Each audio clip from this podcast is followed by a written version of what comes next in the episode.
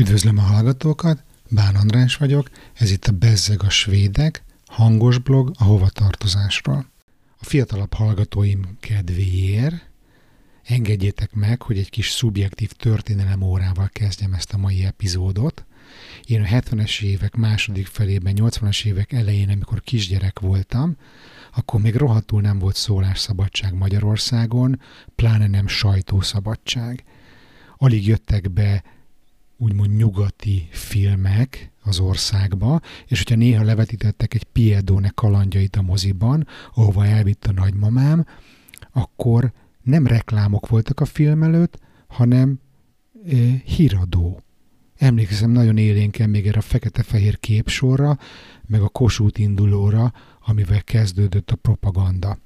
Valószínűleg ezek miatt a gyerekkori emlékeim miatt is extrán érzékenyen reagáltam arra, amikor 2010-ben a NER létrejöttével az államhatalom elkezdte begyűrni maga alá a szabad sajtót, és elég agresszív módszerekkel minden igyekezett a saját képére formálni, hogy azt a propagandát nyomassa minden média, amit a kormány szeretne és most szerintem ezt így tíz évvel később nem kell magyarázni, csak körbe kell nézni, és látod, hogy ennek milyen szép eredménye volt.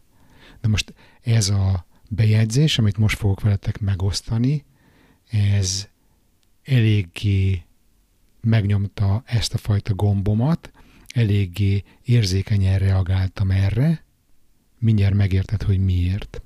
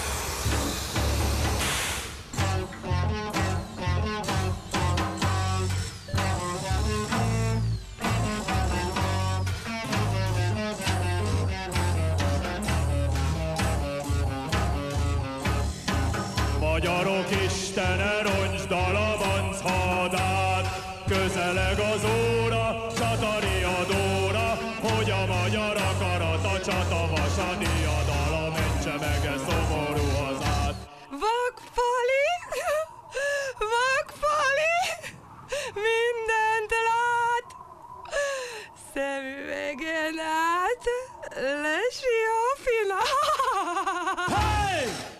2012. június 7-e, harc a kivándorlás ellen, Kossuth hm, hm, azt üzente, elfogyott a regimentje. Több írásom is megjelent Izraelről, az Origó címlapján rendszeresen promotált, méltán népszerű határátkelő blogon, ami a külföldre szakadt és oda szakadni vágyó magyarok történeteit dolgozza föl napi egy felvonásban. Na most pont a, a bevezető bekezdés már egy tök jó példa arra, hogy mit csinált a Fidesz a médiával. Például az Origót úgy, ahogy van, bezúzták kb. és egyébként a határátkelő blog is rég átköltözött a blog.hu-ra az Indexhez. Még annyit ide szeretnék tenni, hogy az izraeli írásaimat ezután a rész után fogom feldolgozni amolyan idősikváltás, előzménytörténet, tarantínos vágás gyanánt. Na, vissza ahhoz a blogposthoz, ahol eléggé fel voltam indulva. Nyilván én is érzékenyebb vagyok az elvándorlás témára most, hogy meghatározatlan időtartamra Stockholmba költözött a család. Szinte naponta olvasok, jobbára demagóg publicisztikákat arról, hogy miért mennek el a fiatalok Magyarországról. Most itt zárójelbe teszem, hogy 2012, tehát kb. három évvel a, a nagy gazdasági világválság után vagyunk, rengeteg bedőlt svájci frank hittel, megélhetési problémák, tényleg rengetegen mentek el abban az időszakban külföldre. Ja igen, és még annyi, hogy, hogy akkoriban ez a szerintem nagyon durván Fidesz által vezérelt sajtó egyszerűen bűntudatot próbált ébreszteni azokban, akik külföldre mentek, És az otthon maradottak szemében pedig úgy állította be ezeket a külföldre költöző magyarokat, mint külföldre kitántorgók, iszonyat pejoratív eh, értelemben beszéltek rólunk, és nagyon durva úszítást éreztem.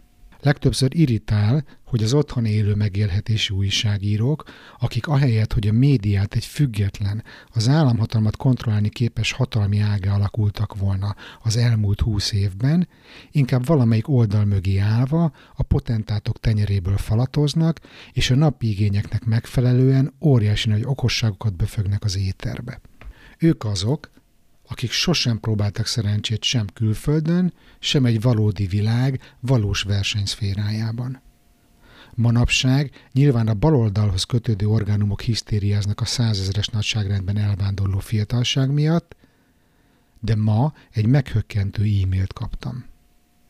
A határátkelő blog szerkesztőjét megtalálta a Kossuth Rádió napközben műsorának készítője, mert idézem, egy olyan fiatalt keresnek, aki reménytelennek látta a helyzetet Magyarországon, és elment munkát keresni külföldre. Ez már nem az első jele annak, hogy a jelenlegi hatalom komoly harcot indított a kivándorlás ellen. Éppen a határátkelő blogon a múltkor például megjelent egy erősen provokatív írás, amiről mindenkinek egyből az jött le, hogy egy a kormány által fizetett bértrollnak produkálta. Érdemes elolvasni, belinkeltem a, a, az eredeti bejegyzésbe. Egyébként nagyjából arról van szó, hogy a világ legideálisabb országa Magyarország. Ha van egy kis időd, olvasd el, és a hozzászólások is tartogatnak néhány csemegét. Volt ugye a röghöz kötő törvény, nem tudom, még emlékeztek -e erre, de hogy aki az ingyenes felsőoktatásban vett részt, annak x évre alá kellett írni, hogy Magyarországon marad dolgozni. E, volt videókampány, amit most nem linkelek ide, mert nem ez a lényeg, hanem az maga, hogy harcot indított a kormány a kivándorlás ellen.